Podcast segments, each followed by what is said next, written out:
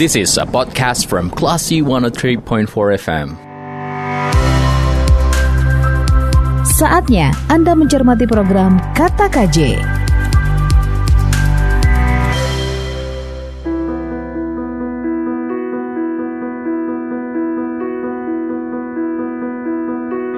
Dari Bumi Karang Putih Darung Padang, 103.4 Kelas FM, this is the actual radio. Assalamualaikum, apa kabar Klasi People? Anda sedang mencermati program Kata KJ di Radio Klasi FM. Dan saya adalah Lia Priyanka. Program Kata KJ ini menghadirkan wartawan senior uh, Bapak Khairul Jasmi ya. Topik kita kali ini adalah pahlawan yang belum pahlawan. Ini bertepatan di bulan November kita memperingati Hari Pahlawan. Saya sapa Pak KJ-nya dulu. Pak KJ apa kabar? Assalamualaikum. Waalaikumsalam warahmatullahi wabarakatuh. Ini topik kali ini back to the root ilmu mendasar dari seorang Khairul Jasmi sejarah nih. Kita bisa mulai diskusinya hari ini Pak KJ? Bisa, insya Allah mudah-mudahan kita satu jam ke depan sama saya dia. Oke baik Pak KJ kalau gitu uh, saya persilahkan Bapak langsung untuk langsung memperkenalkan narasumber kita hari ini. Assalamualaikum warahmatullahi wabarakatuh pendengar Kresi FM di mana pun anda berada pada November ini kita uh, satu sesi tentang pahlawan dan topiknya adalah pahlawan yang belum pahlawan. Kita menghadirkan beberapa narasumber yang sangat kompeten. Pertama, Profesor Gusti Asnan, Guru Besar Sejarah dari Universitas Andalas, kemudian Bapak Katib Berbangso, dan kemudian Pak Jumadi. Uh, beliau-beliau akan berbicara tentang pahlawan yang belum pahlawan dan bagaimana menjadikan pahlawan itu benar-benar pahlawan uh, yang dicatat oleh negara, bukan hanya di hati rakyat, tapi juga di lembaran negara. Untuk pertama kali, kita minta dulu Profesor Gusti Asnan memberikan gambaran tentang posisi Sumatera Barat di dunia kepahlawanan Indonesia. Silakan, Prof. Assalamualaikum warahmatullahi wabarakatuh. Waalaikumsalam warahmatullahi wabarakatuh. Terima kasih uh, Bung KJ, uh, Lia, Pak Madi, Pak Sudarman, uh, Bung Beni, dan pendengar semuanya. Saya bergabung dengan kata KJ di siang hari ini dan momen yang sangat tepat sekali berkenaan dengan pahlawan. Dan temanya uh, menarik pahlawan yang uh, belum uh, pahlawan dan sebetulnya menarik juga untuk mengkritisi uh, tema kita kali ini sebetulnya uh, saya ingin menegaskan sebetulnya mereka itu udah jadi pahlawan sebetulnya jadi pahlawan sebetulnya mereka udah, udah jadi pahlawan cuma pahlawan yang belum uh, diakui oleh pemerintah itu yang, yang dapat saya dalam, dalam tema kita hari ini. Jadi mereka itu udah pahlawan. Karena apa? Kriteria seseorang angkat sebagai pahlawan, semua orang-orang yang mungkin uh, kita tokohkan, kita kenang, kita anggap sebagai pahlawan, itu mereka udah jadi pahlawan.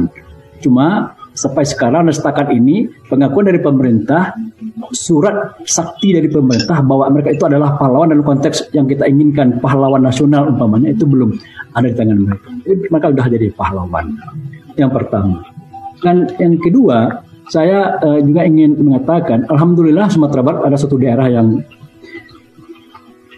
mungkin kita katakan daerahnya pahlawan ya. Dalam konteks luas, tokoh-tokoh orang-orang yang memenuhi kriteria sebagai pahlawan itu yang pertama banyak sekali di Sumatera Barat.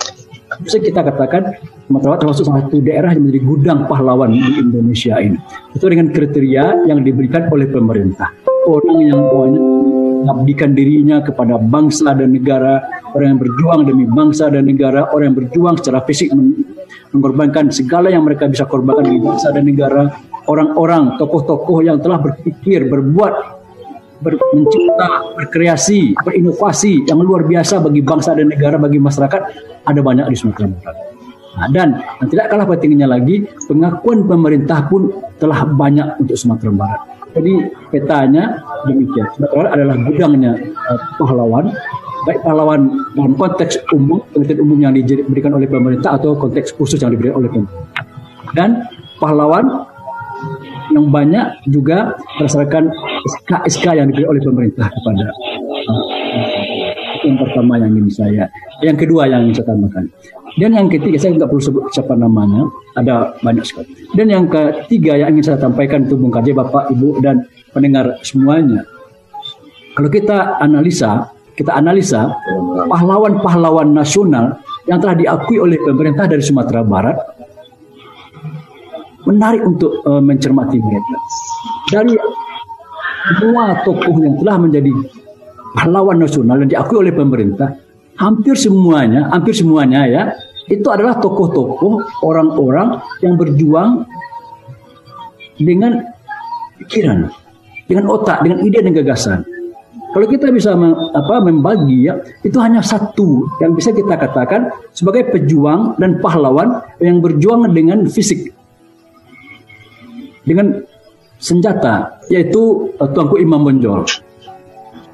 Sisanya adalah pahlawan, adalah tokoh, sosok yang diagai oleh pemerintah sebagai pahlawan nasional, yang digelari sebagai pahlawan nasional, karena mereka berjuang dengan ide gagasan yang merubah bangsa dan negara melalui pemikiran-pemikiran mereka. Itu peta pahlawan nasional yang ada di Sumatera Barat yang telah diakui oleh pemerintah yang saya. Jadi hanya satu.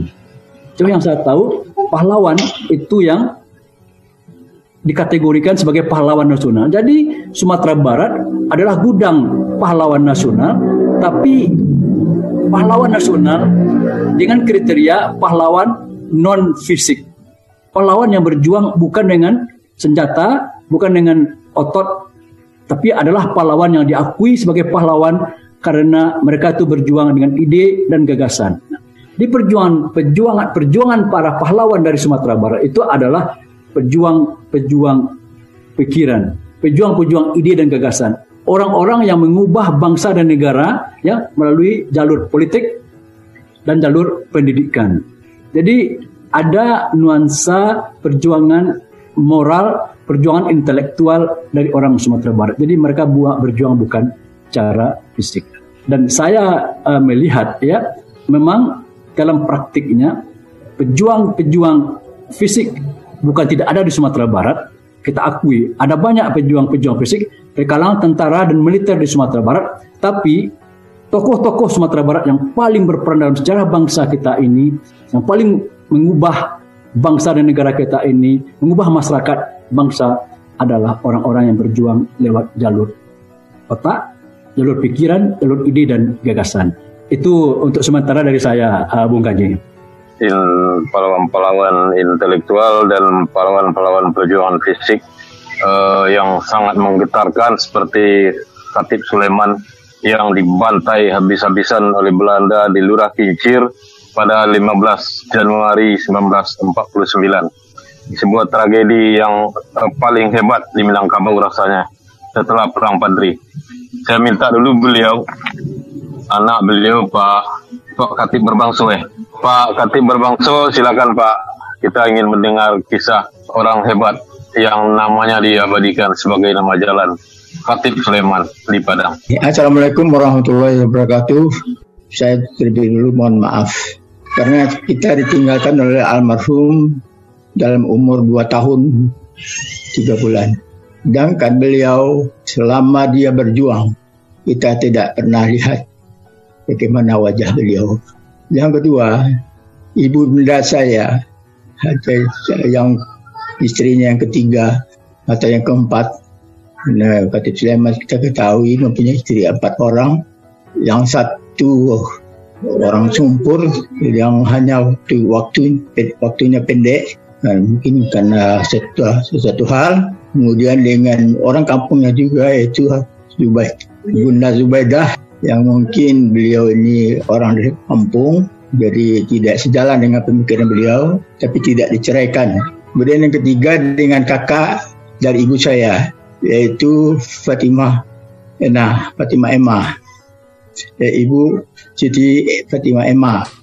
Yang uh, beliau ini adalah guru di Muhammadiyah Padang Panjang.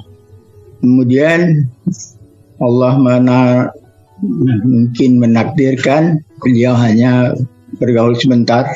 Kenapa bulan Juli tahun 46 beliau meninggal dan meninggalkan dua putra yaitu Lastri Khatib dan Kasman Khatib yang kedua-duanya masih hidup. Dan dari istri beliau yang disumpur, disumpur ada dua orang, yaitu Sahrir dan Septunus itu kedua-duanya pun sudah meninggal dunia. Jadi di yang disumpul semuanya sudah habis tidak tidak ada lagi. Itulah sebabnya saya katakan tadi kami yang hidup sekarang betul-betul tidak mengetahui bagaimana wajahnya Bapak kecuali mungkin bayang-bayang oleh kakak saya Kasma dengan Lastri. Yang kedua seperti yang kata saya tadi, ibu saya tidak pernah bercerita mengenai Bapak Katib Sulaiman ini bagaimana dia. Kenapa?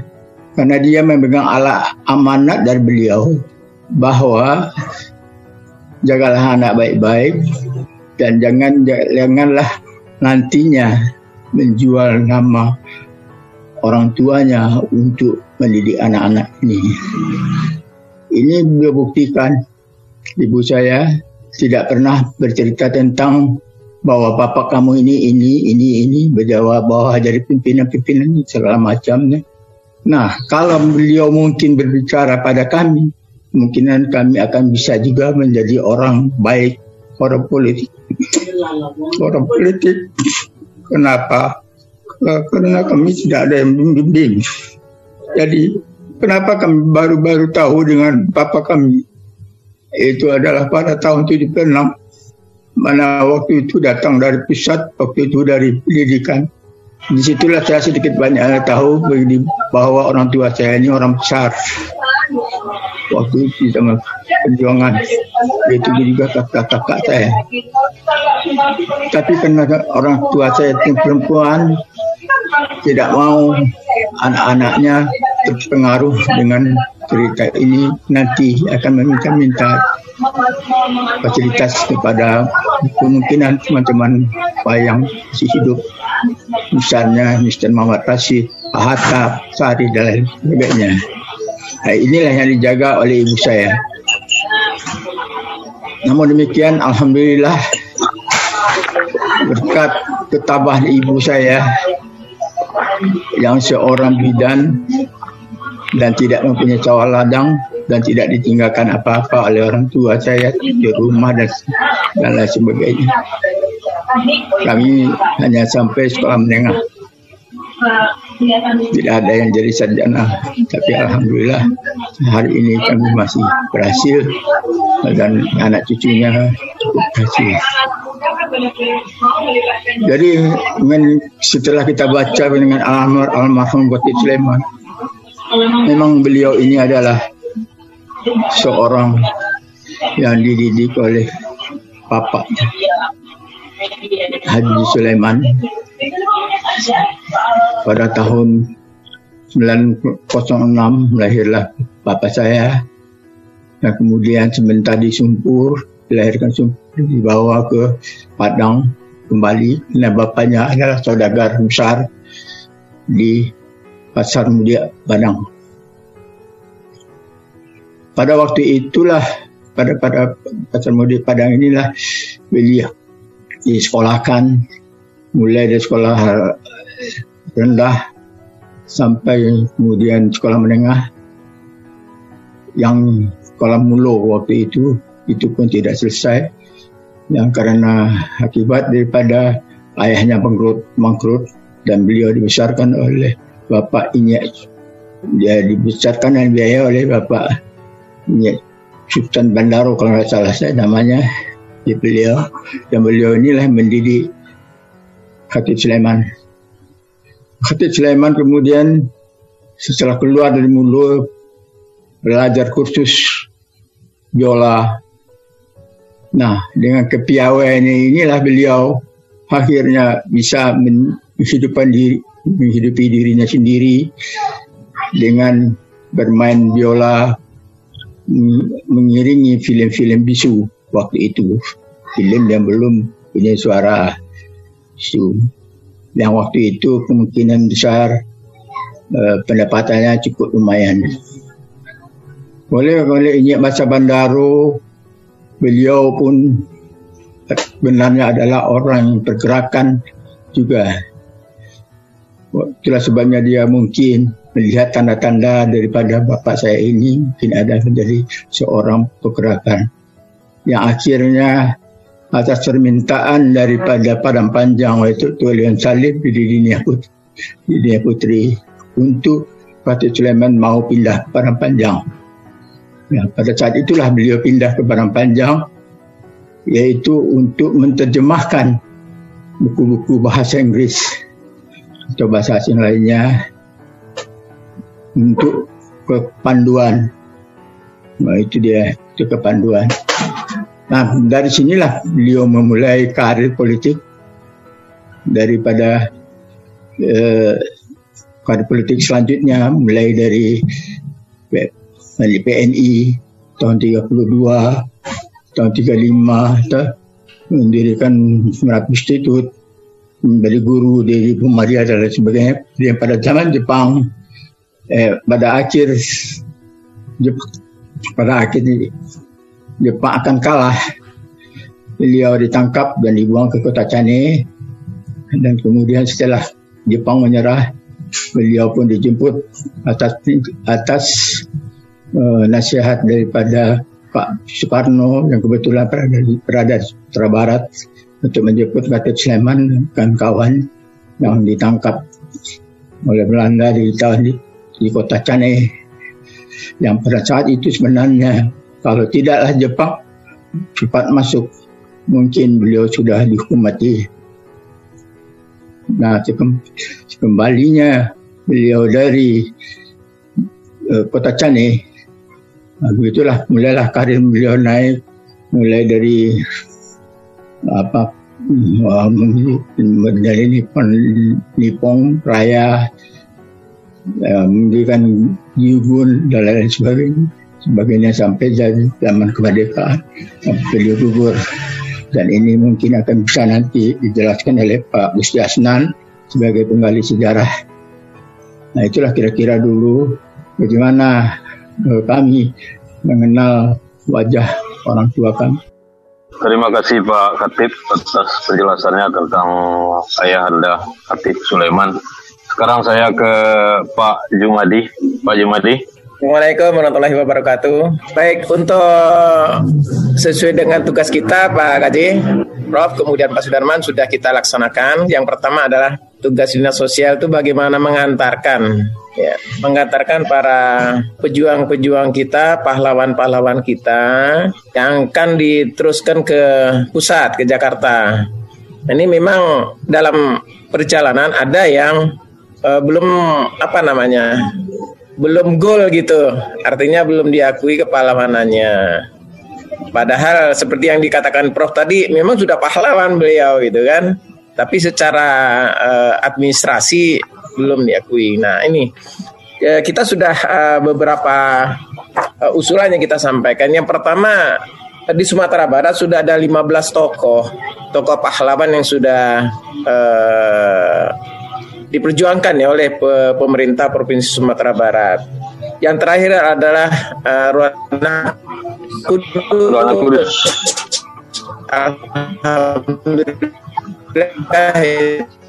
itu 2019 ya Pak Sudarman ya 2019 dan juga ini uh, penantian yang panjang sebenarnya penantian panjang Rohana Kudus itu uh, itu tahun 93 kita uh, apa namanya? 2011 ada juga Profesor Hamka ya. Uh, Profesor Hamka. Jadi hitung yang sudah menjadi pahlawan nasional itu ada 15 kemudian dari perjalanan uh, bagaimana kita mengusulkan nama-nama tokoh pahlawan ya di Sumatera Barat itu sudah berjalan seperti Tuan Kurao juga kita pernah kita usulkan uh, itu di 2010 kemudian uh, Mr. Asad sudah kita usulkan. Kemudian Rahma El Yunusiah. Kemudian Mr. Haji Sultan Muhammad Rashid kita usulkan juga sudah. Dari Padang Pariaman. Samaun Bakri Kota Pariaman sudah kita usulkan 2014 dan kita usulkan lagi 2020 Kemudian berikut adalah Haji Bagindo Dahlan Abdullah. Sudah kita usulkan dari Kota Pariaman yaitu 2017 dan 2020. Untuk 2020 ini uh, mudah-mudahan ya, mudah-mudahan kita berharap, kita berdoa uh, pusat menentukan pusat menentukan kita berharap ini berdoa sebagai anak bangsa sebagai kader-kader uh, penerus pejuang dari tokoh-tokoh pahlawan kita uh, uh, Katib Sulaiman mudah-mudahan ya kita sudah jajakin ke kementerian itu sudah di ke sekretariat negara hmm. ya malah tahu tentu ini mudah-mudahan lah mudah-mudahan kita berharap uh, untuk yang tahun 2020 ini. Ya, tentu kita berdoa. Uh, dalam hal ini tentu perlu dukungan juga dari semua. Oleh karena itu siaran FM ini sangat tepat sekali. Mungkin uh, mudah-mudahan ya seantero Nusantara bisa mendengar ini, bukan hanya Sumatera Barat. Itu Pak Gaji. Ya mudah-mudahan seantero Nusantara bisa mendengar ini Pak Gaji ya. Ya, baik. Karena itu besar sekali kasanya menurut uh, uh, informasi atau uh, dar, uh, apa namanya cerita dari uh, anak uh, Pak Hatip Sulaiman yaitu Pak Sudarman. Nah, dari tim penilai, tim survei yang dari pusat sudah kita antar langsung, langsung oleh beliau juga oleh Pak Sudarman ke di mana lokasi-lokasi yang menjadi sejarah uh, peninggalan uh, atau jejak-jejak daripada pahlawan kita Kat Sulaiman itu. Ini mungkin tugas-tugas kita. Oleh karena itu kita berhimbau ya kepada tokoh-tokoh yang belum dikatakan pahlawan walaupun pahlawan itu proaktif daripada pertama tokoh masyarakat setempat dan juga dari uh, dinas dinas sosial kabupaten kota. Nah, kalau proaktif itu kita akan cepat ya kita akan cepat proses karena uh, dari tingkat kabupaten kota itu ada timnya. Nah, tim penggaji penggaji sejarah. Begitu juga di provinsi. Uh, begitu ada uh, persyaratan lengkap. Uh, kita rekomendasikan untuk diusulkan ke ke pusat. Mungkin itu Pak Kajeh uh, semintas bagaimana Baik, tugas kita dari uh, dinas sosial. Mudah-mudahan. Terima kasih. Assalamualaikum warahmatullahi wabarakatuh. Waalaikumsalam. Waalaikumsalam. Pendengar Kelisi FM di mana pun anda berada, tunggu sesi berikut kita break sebentar. This is a podcast from Classy 103.4 FM. Kata KJ, only on Classy FM.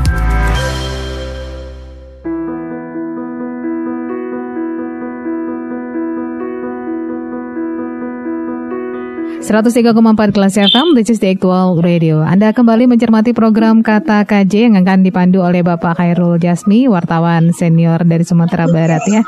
Topik kita kali ini adalah pahlawan yang belum pahlawan. Silakan Pak KJ.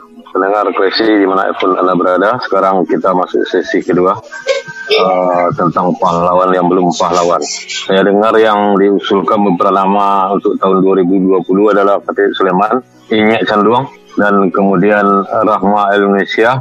Kendalanya nampaknya Prof seperti Rahma Indonesia kendalanya adalah uh, beliau pernah mengungsi soal waktu PRI dan dianggap terlibat PRRI. Jadi uh, kesekretariat negara menganggap itu.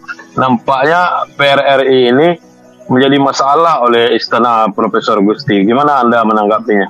Uh, terima kasih uh, Bung Kaji. Memang ada beberapa nama yang kita usulkan sekarang dan salah satu di antaranya uh, Ramah Indonesia. Tapi sebelum menjawab itu saya juga ingin melanjutkan apa yang telah saya sampaikan pertama tadi. Uh, memang ada kecenderungan bahwa tokoh-tokoh Minang yang menjadi pahlawan itu sebagian besar adalah orang-orang yang berjuang secara non fisik. Dan sekarang, sekarang kita mengusulkan tokoh-tokoh dari kalangan kalangan yang berjuang secara non fisik, tapi juga ada yang berjuang dengan fisik. Ini uh, peta yang kita usulkan sekarang, dan tentu kita sangat berharap ya bahwa tokoh-tokoh yang diusulkan baik yang berjuang secara fisik dan non fisik itu ada yang diangkat dan diterima serta diakui sebagai pahlawan nasional tahun ini. Kalau tokoh-tokoh yang kita usulkan yang kita usulkan adalah kalangan yang berjuang secara non fisik itu adalah melanjut berarti melanjutkan tradisi tokoh-tokoh Minang pejuang non fisik yang telah tercatat dan diakui oleh bangsa selama ini. Kita bersyukur tentang itu. Tapi tentu kita juga berharap ya orang Minang, tokoh-tokoh Minang tidak hanya dihargai dan diakui sebagai pejuang-pejuang non fisik saja. Tidak hanya satu saja yang diakui. Mestinya ya harus ada lagi tokoh-tokoh Minang yang juga berjuang secara fisik Makanya kita sangat berharap ya tokoh-tokoh calon-calon yang dari kalangan pejuang fisik yang kita usulkan tahun sekarang itu juga Sumatera Barat juga adalah negeri adalah daerah yang mengabdi kepada bangsa dan negara juga melalui perjuangan perjuangan fisik. Bahwa seperti Bung Kaji katakan tadi, kurang apa ya perjuangan yang dilakukan oleh tokoh-tokoh Minang, tokoh-tokoh Sumatera Barat pada peristiwa Tujuh Batur yang dibantai dengan brutal oleh kolonialis Belanda yang satu korbannya adalah Katib Sulaiman. Kurang apa perjuangan yang mereka lakukan itu? Dan kurang apa perjuangan fisik orang Sumatera Barat pada masa revolusi?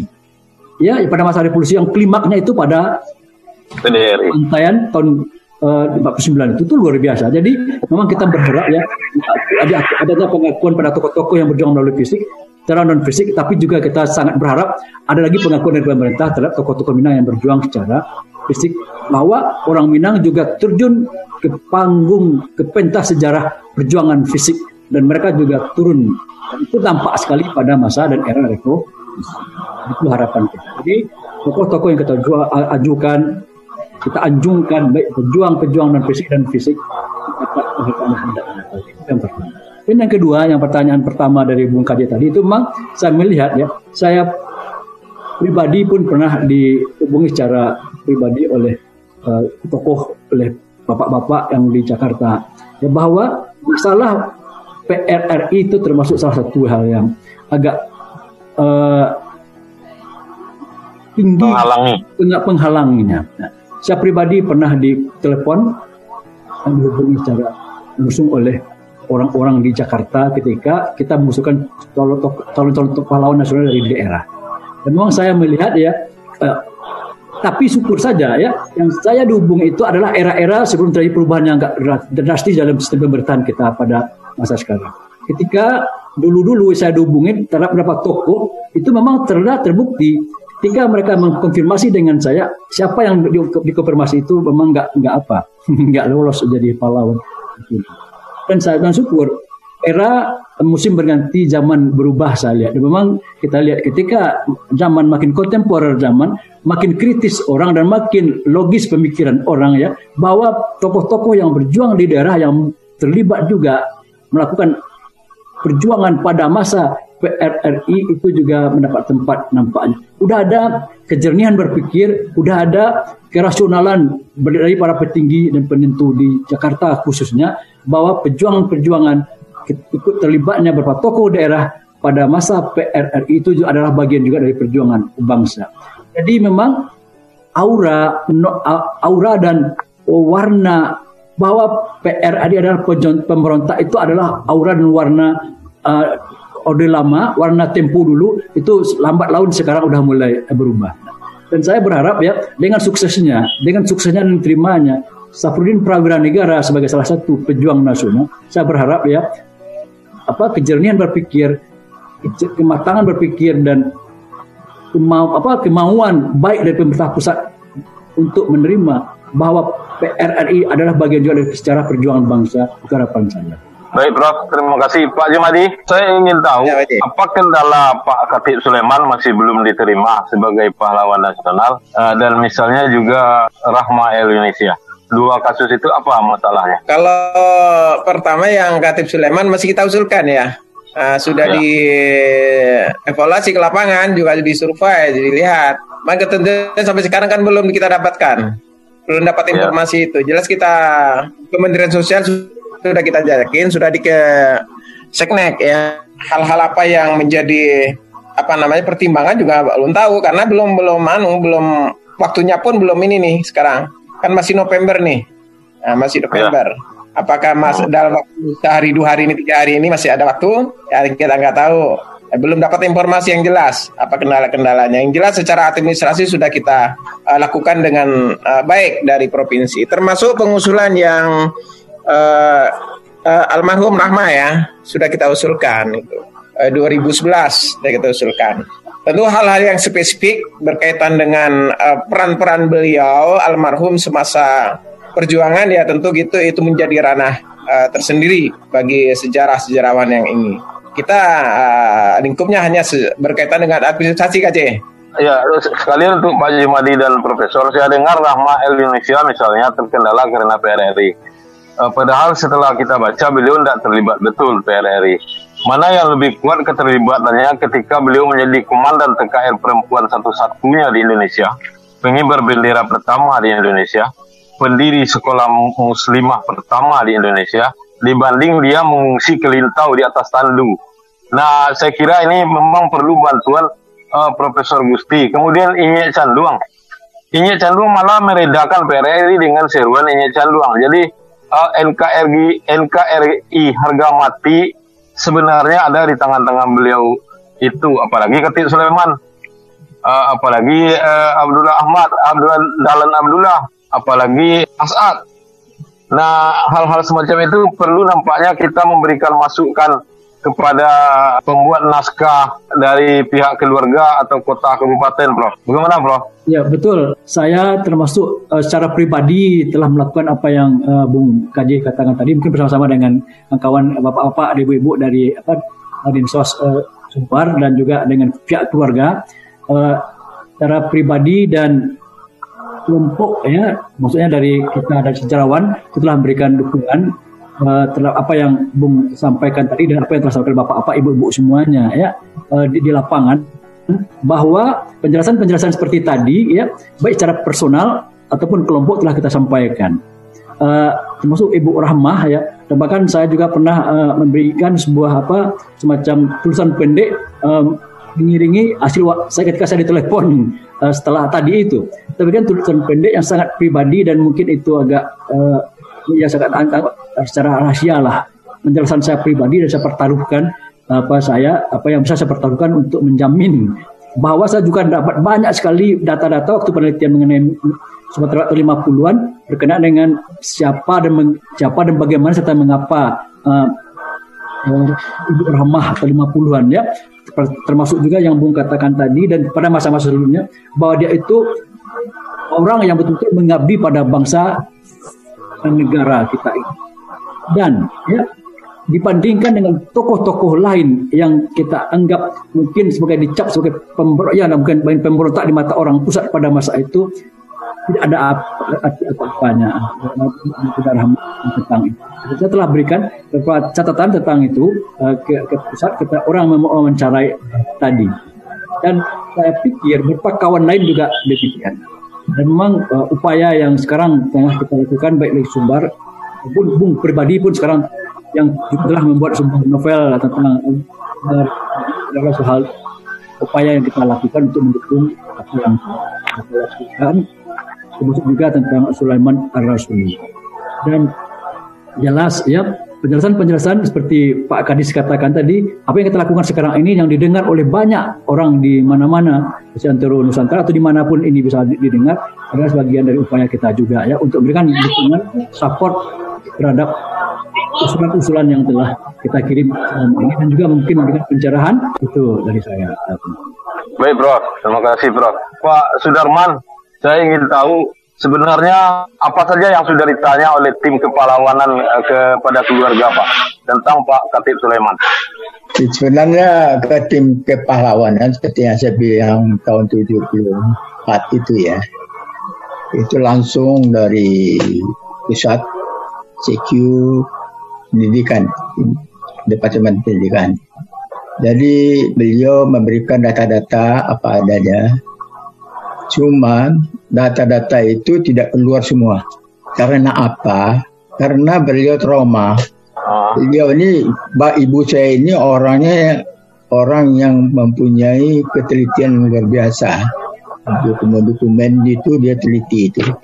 Termasuk uh, clipping-clipping, foto-foto dan apa saja yang menyangkut dengan Katib Sulaiman itu ada. Ini pada suatu waktu saya nggak mau nyebut orangnya yang sudah meninggal minjam dokumen-dokumen itu yang gunanya untuk eh, artinya hampir sama. Jadi beliau pinjamkanlah clipping-clip, clipping laporan yang dari tahun lama-lama itu.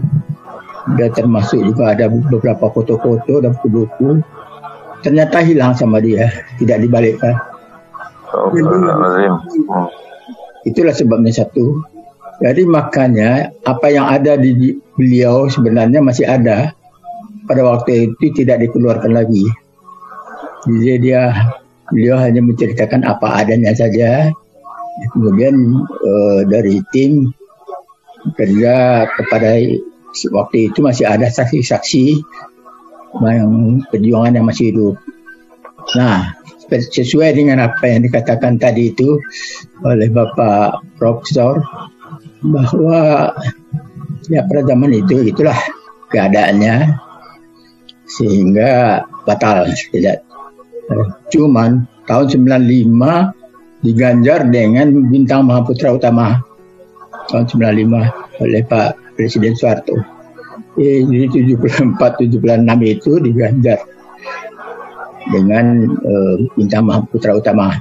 Kemudian dengan mungkin rentetan-rentetan itu dengan perjuangan juga dari teman-teman beliau seperti Pak Leon Salim dan lain-lain itu maka berhasil kita dapatkan perintis kemerdekaan pada tahun 79 79 perintis kemerdekaan yang sebenarnya menurut undang-undang perintis kemerdekaan itu sudah pahlawan tetapi pahlawan sebelum perjuangan kemerdekaan jadi itu sudah pahlawan, bukan tidak pahlawan katanya.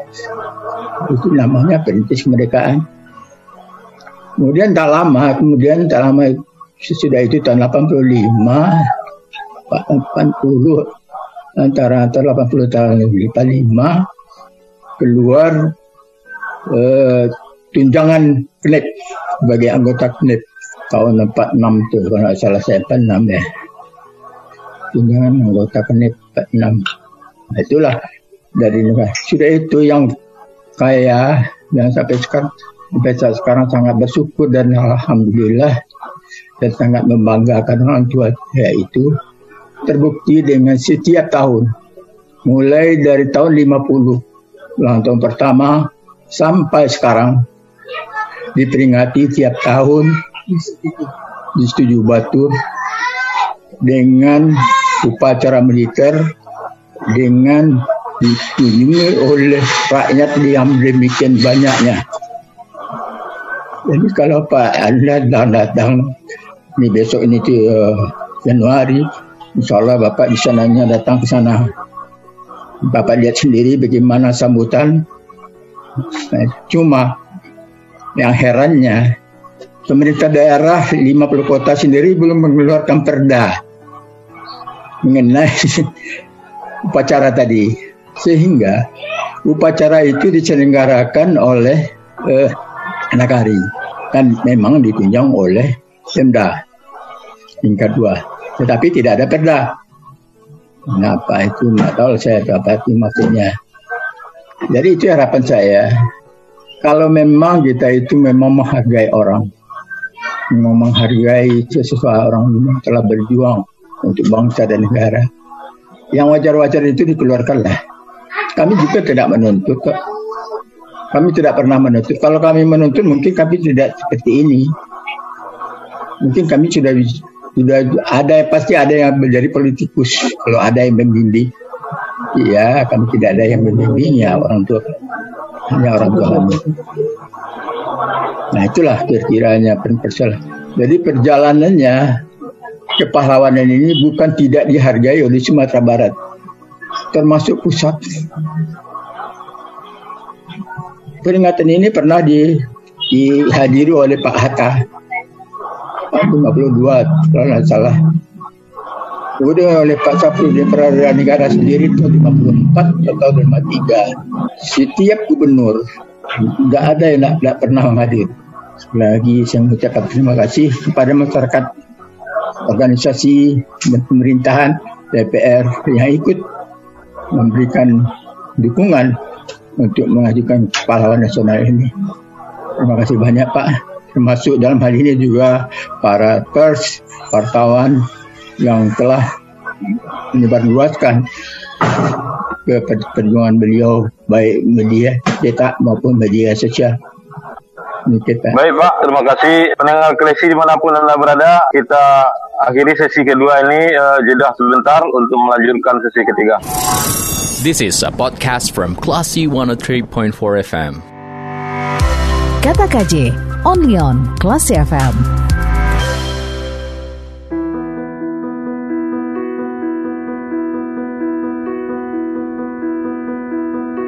103,4 kelas FM, di Aktual Radio. Di sesi ketiga program Kata KJ masih bersama dengan Bapak Khairul Jasmi dan dengan narasumber kita yang luar biasa hari ini dengan topik pahlawan bukan oh ya, pahlawan yang belum pahlawan ya. Ada Bapak Jumadi dari Kepala Dinas Sosial Sumatera Barat, ada Profesor Gusti Asnan, budayawan dan sejarawan dari Universitas Andalas, lalu ada Bapak Sudarman Katib Datu Berbangso yang merupakan anak dari pahlawan Katib Sulaiman. Pak KJ silahkan di sesi ketiga ini singkat singkat saja karena waktu yang cukup ya. terbatas. Uh, pendengar sekalian uh, dan para narasumber, ini adalah acara Kata KJ dengan tema pahlawan yang belum pahlawan dari Rana Minang, Sumatera Barat. Karena ini sesi terakhir, saya tidak minta statement lagi kepada para narasumber, tapi saya ingin mengatakan bahwa Sumatera Barat uh, sudah punya 15 orang pahlawan, nomor tiga terbanyak di Indonesia jika boleh, jika boleh provinsi ini pun harus jadi pahlawan. Jadi pahlawan Sumatera Barat namanya. Eh, tapi itu tidak pernah dilakukan orang. Maka kita memohon kepada pusat agar pahlawan orang-orang eh, yang sudah jadi pahlawan di hati rakyat yang diusulkan ke Istana Negara itu diangkat menjadi pahlawan. Orang yang banyak berjasa um, tentang sejarah uh, kepahlawanan ini adalah Profesor Gusti Asnan dan temannya almarhum Profesor Mestika Z Nah sekarang berada hanya di pundak Profesor Gusti sendiri dengan kawan-kawannya yang lain, misalnya Dr. Fatima dan lain-lain. Jadi kita berharap banyak kepada para sejarawan ini. Kepada Pak Sudarman, uh, anaknya Pak Khatib Sulaiman, uh, percayakan kepada uh, kita percaya kepada orang-orang uh, yang sedang berjuang untuk almarhum Pak. Mudah-mudahan uh, uh, makin cepat, makin baik kepada Pak Jumadi uh, mohon kalau ada kekurangan-kekurangan tolong diinfokan kepada orang-orang yang berkompeten baik kepada keluarga atau kepada para ahli atau kepada pers. Ini memang perlu kita gembar-gemborkan agar Jakarta tahu. Mengakhiri acara ini saya akan membacakan quote untuk pendengar sekalian. Sejarah yang benar adalah sejarah masa kini. Masa kini adalah masa depan. Masa depan adalah sejarah yang sedang dibuat. Demikian pendengar klesi di mana pun Anda berada. Terima kasih. Saya Khairul Yasmi. Assalamualaikum warahmatullahi wabarakatuh. Waalaikumsalam warahmatullahi wabarakatuh. Demikian Kelas People program Kata KJ untuk kali ini. Saya Lia juga pamit. Assalamualaikum and then see you. Terima kasih. Anda sudah mencermati program Kata KJ. Anda juga bisa mencermati rirannya nanti malam di jam 19 waktu Indonesia Barat. Tunggu pembahasan menarik selanjutnya di bulan depan. See you.